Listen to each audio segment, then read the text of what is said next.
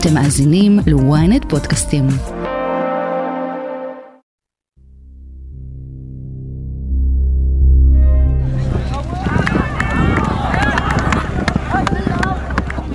בשנים האחרונות, דרך מתאם פעולות הממשלה בשטחים, הועברו לשטח רצועת עזה סחורות רבות, ומהרצועה עברו לישראל פועלים רבים. בנקודת הזמן שלפני ה-7 באוקטובר, ישראל אפשרה למספר שיא של פועלים להיכנס לשטחה. שיתופי פעולה רבים התקיימו בנושאים חקלאיים, בריאותיים ומסחריים. אבל כל זה נפסק בעת פרוץ הלחימה. מה התפקיד של מנהלת התיאום והקישור לעזה, המת"ק, בעת הלחימה? מה יקרה אם ישראל תחזיק צבאית ברצועה? והאם יש סיכוי שעוד נראה פועלים עזתים נכנסים לישראל? אני שרון קידון, וזאת הכותרת. ליאור בן ארי, כתבתנו לענייני העולם הערבי, שירתת שנים ארוכות במתאם פעולות הממשלה בשטחים. אילו מעברים היו פעילים כדרך קבע בין ישראל לבין רצועת עזה? אז בשנים האחרונות היו אה, שני מעברים פעילים, מעבר ארז ומעבר כרם שלום. מעבר ארז נכנסים דרכו אה, חולים ונכנסים דרכו פועלים לשטח ישראל, ומעבר כרם שלום הוא מעבר של סחורות, אה, שדרכו עברו, לפחות לפני ה-7 באוקטובר, מאות משאיות גם לתוך הרצועה וגם מהרצועה החוצה. We're finally seeing the first aid trucks enter the crossing after days of a deadlock. This deadlock has led to so much frustration, so much anguish. כשאנחנו מסתכלים על השנים במרכאות הטובות, שהיום אנחנו יודעים שכנראה זה, אלה היו שנים של הכנה לקראת מה שראינו ב-7 באוקטובר, אבל השנים הטובות, עד כמה הרגישו שיש שיתוף פעולה בין ההיבט האזרחי של רצועת עזה, אפילו אפשר להגיד אה, חלק מהשלטון של חמאס שיתף איתנו פעולה לבין מדינת ישראל. תתארי לנו איך זה עבד. צריך להבין שהייתה תפיסה מאוד ברורה שיציבות כלכלית תביא ליציבות ביטחונית. זאת התפיסה שכולם התבססו עליה. ומנהלת תיאום וקישור עזה שאחראית למעשה על כל הפעילות אה, מול רצועת עזה של אה, מתאם פעולות הממשלה בשטחים, היא פעלה בדרכים רבות מאוד בתחום הבריאותי ובחקלאות, ואם זה בתחום התעשייה והמסחר, והיה קשר רציף למעשה עם כל מה שקורה ברצועה, אם זה עם מפעלים, אם זה עם אה, דייגים, שהמון המון מהרצועה הם דייגים. דייגים, יש אה, אה, אלפי דייגים ברצועה, משפחות מתפרנסות מזה. אה, כל הסוגיה של פתיחה וסגירה של מרחב הדייג ושל הגדלת השווקים בתחומים האלה. אם זה בתחום הבריאותי, הכנסת מכשור רפואי לרצועה, הוצאת חולים מסוימים לטיפולים, תיאומים של הוצאות אמבולנסים. העברות של כל מיני תרופות שחסרות, תאומים, משלחות רפואיות שמגיעות לישראל, לעבור כל מיני uh, הכשרות כאלה ואחרות. חקלאים שנכנסים לישראל לעבור הכשרות. את יודעת, זה בלתי נתפס, כי כשאנחנו חושבים על חמאס של היום, תמיד הוא היה השטן חמאס, אבל את מדברת על שיתוף פעולה כאילו אנחנו מדברים על איזה ממשל לגיטימי. אבל ככה זה עבד? זה היה תיאום בכל הבחינות, אה, מתוך הבנה בעצם, שוב, שאם יהיה את הדבר הזה, אם לאנשים יהיה מה להפסיד, הם לא יפנו לטרור. והתפיסה הייתה שחמאס מבין את זה. התפיסה הייתה שחמאס רוצה שייכנסו יותר, יותר אה, פלסטינים לעבודה בישראל, כי בסוף הם מביאים כסף לרצועה, ושגם הוא מבין שזה טוב לרצועה. ופה באמת אנחנו נכשלנו בלהבין את מה שחמאס רוצה ואת התכנון שלהם. מה, אנחנו בעצם חשבנו שמה שהם רוצים זה לשמור על יציבות, לשמור על איזושהי יציבות ביטחונית מסוימת מולנו. גם בסבבים הקודמים מול הג'יהאד האיסלאמי שהיו, וחמאס לא הצטרף אליהם. בעצם הדרג הביטחוני תפס את זה כחמאס לא רוצה להתערב בסכסוך של הג'יהאד האיסלאמי, כי הוא לא רוצה עכשיו לגרום למצב קשה יותר ברצועה ממה שכבר קיים. אה, וזאת באמת הייתה הטעות שלנו, בלהבין מה חמאס רוצה. אבל את המדיניות לא הם מתווים, הם רק אה, גוף מבצע. כן, היחידה לתיאום פעולות הממשלה בשטחים היא גוף מבצע, היא מקבלת את ההנחיות מהדרג המדיני. אה, זו יחידה מאוד מעורבבת בצה"ל, בעצם מתאם פעולות הממשלה בשטחים כפוף לשר הביטחון, ויש הרבה אזרחים ביחידה, ובאמת היא מקבלת את ההוראות ומיישמת אותם.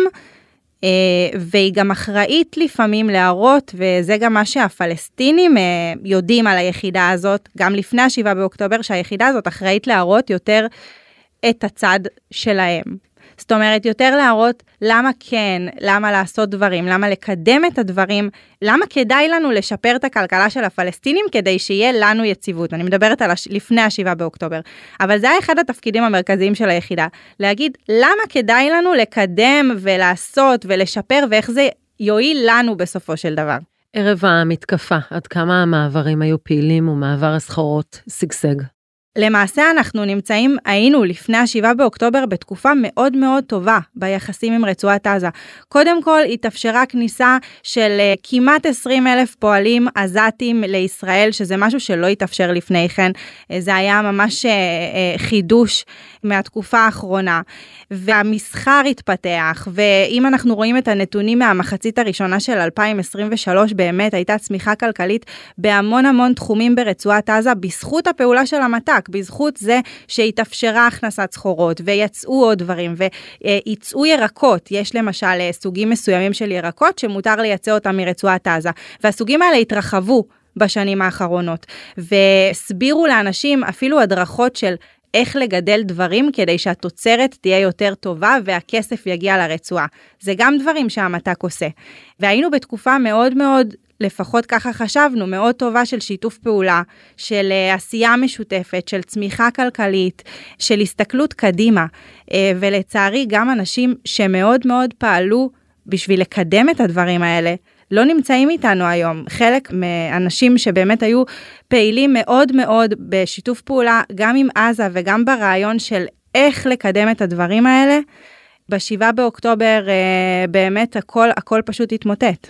אבל אנחנו זוכרים ערב ה-7 באוקטובר בכל זאת פעילות על הגדר מאוד מטרידה, כשהסבירו אותה על כך שהם רוצים עוד הטבות. על מה דובר אז? על עוד הטבות, על עוד עזרה, עוד סיוע, עוד הכנסת פועלים? כן, אז תמיד יש בקשה לעוד. זאת אומרת, אה, גם אם אה, ייכנסו הרבה פועלים, 20 אה, אלף פועלים, תמיד הרצון הוא להגדיל. אנחנו יודעים גם שמראיונות, מבקרים שהייתי עם הפועלים במעבר, כמובן שתמיד הרצון שלהם היה שכמה שיותר ייכנסו וכמה שיותר יבואו לעבוד וירוויחו כסף.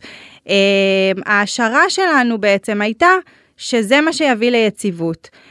חמאס כנראה היינו צריכים להבין שבסופו של דבר הפועלים האלה שנכנסים למדינת ישראל ועובדים פה, נכון, הם מרוויחים את הכסף שלהם והם רוצים לשמור, יכול להיות שהם באמת רצו לשמור על הבית שלהם ועל היציבות הכלכלית שלהם, אבל בסופו של דבר הם חוזרים לרצועת עזה. ומי ששולט ברצועת עזה זה חמאס. וחמאס שם כנראה שהיו לו זרועות הרבה יותר ארוכות ממה שאנחנו חשבנו, גם לגבי האנשים שחשבנו שאנחנו מכירים אותם. דיברת על הקונספציה שהתווה אותה הדרג המדיני, על פיה ככל שיהיו יותר הטבות כלכליות, ככל שירווח לתושבי רצועת עזה, כך תהיה להם נטייה פחות להיות uh, שותפים לטרור. איך זה בא לידי ביטוי בשטח? תתארי לי דברים שלפחות את ראית בעיניים, שבאמת לא האמנת שאפשר לייצר שיתוף פעולה כזה בין תושבי עזה לבין uh, מנהלת התיאום והקישור שהיא זרועה של מדינת ישראל.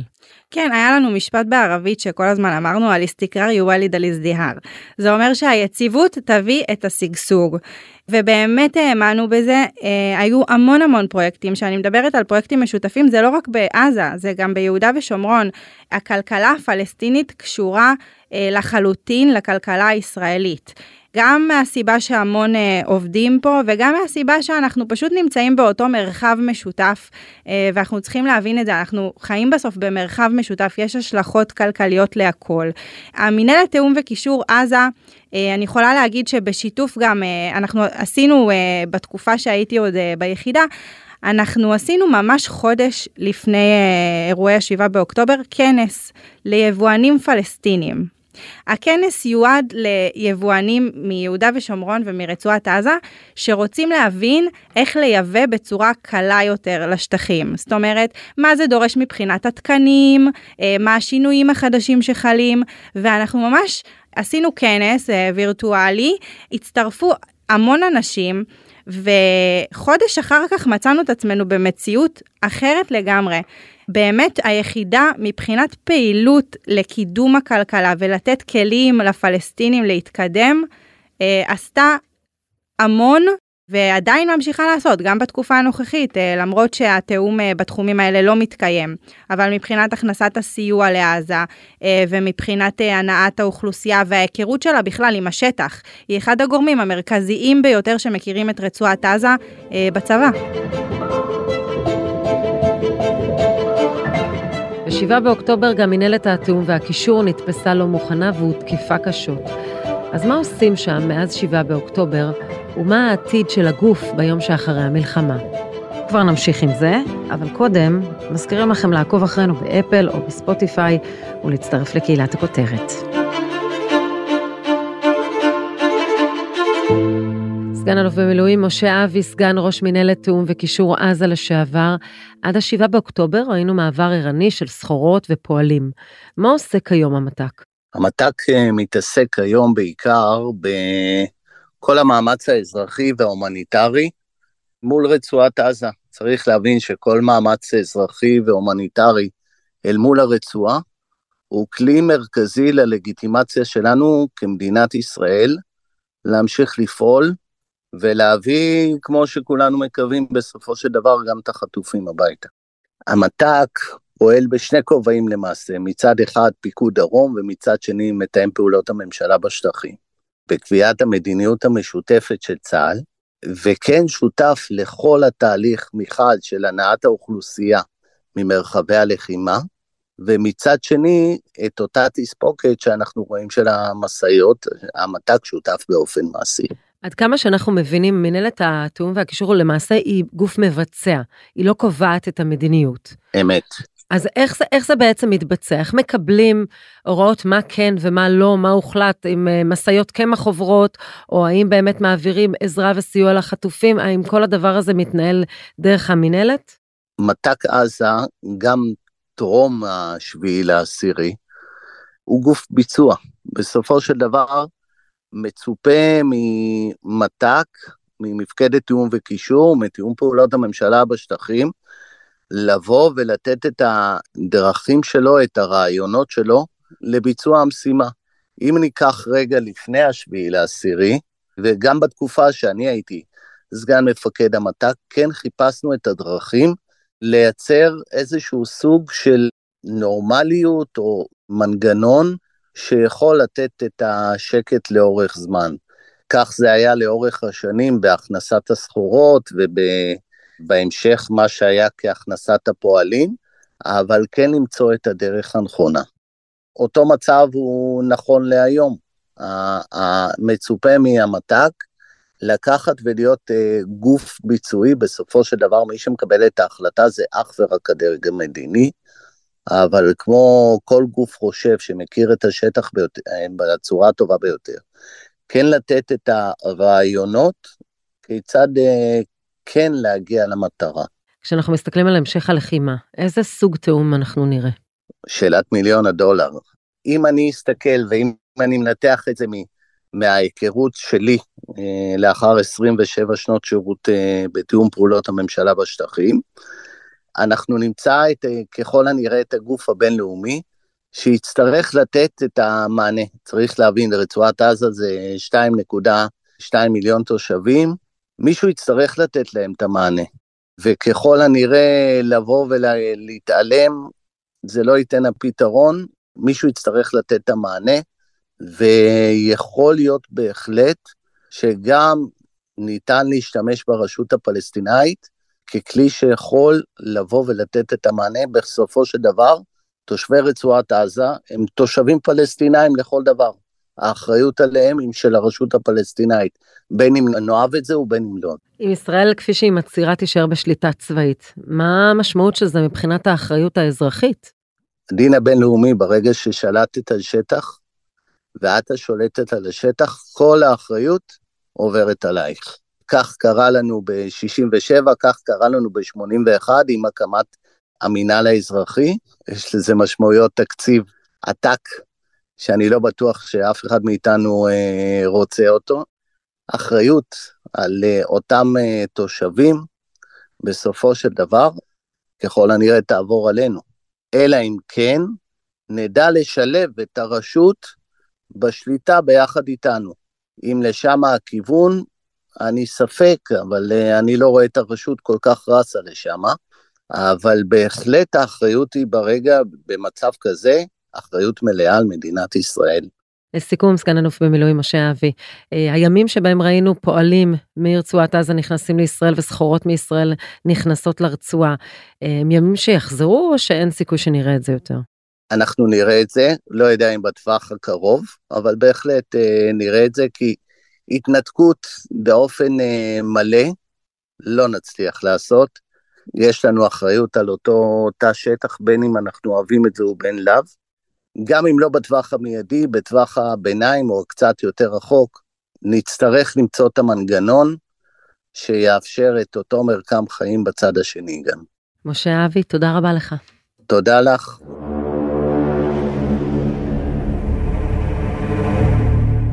ליאור בן ארי, בחזרה אלייך. ב-7 באוקטובר פוגשת מנהלת התיאום והקישור באוגדת עזה בשיא הפעילות שלה, ושם כמובן הפעילות משתנה לחלוטין, נפסקת, וגם יש פגיעה ממשית במנהלת עצמה. כן, הירי של אה, חמאס, צריך להבין, הם עשו את זה גם בסבבים קודמים, אבל כמובן שעכשיו אי אפשר להשוות את זה לשום דבר. אבל הם יורים למעברים. הם יורים למעבר ארז, שמעבר ארז הוא, הוא צמוד למנהלת תיאום וקישור עזה, זה ממש אה, מבנים צמודים. אה, והם יורים לכרם שלום, שזה בעצם העורק הראשי שלהם, שמכניס להם דברים, עבודה להם, וב-7 באוקטובר הם נכנסו אה, למתק עזה. כמובן שהיו שם אה, חיילים שסגרו שבת, יש גם הרבה סיפורי גבורה מאותה שבת אה, של הסתגרות אה, בחמ"ל ומלחמה שהתנהלה שם. והם נכנסו בעצם, אני חושבת שהיה בזה משהו מאוד סמלי בניפוץ של כל מה שחשבנו, כי הם נכנסו למוקד של מה שאפשר להם את החיים שנייה לפני זה. זאת אומרת, זה היה המקום שאפשר להם את הכל. אה, אפשר להם אה, לבוא ולעבוד, ובאמת, אחד המקומות שנתן להם. והיה כל הזמן במחשבה איך לקדם את עזה ואיך לקדם את הכלכלה. אה, כמובן בהסתכלות על אתגרים ביטחוניים ישראלים, אבל זאת הייתה המטרה.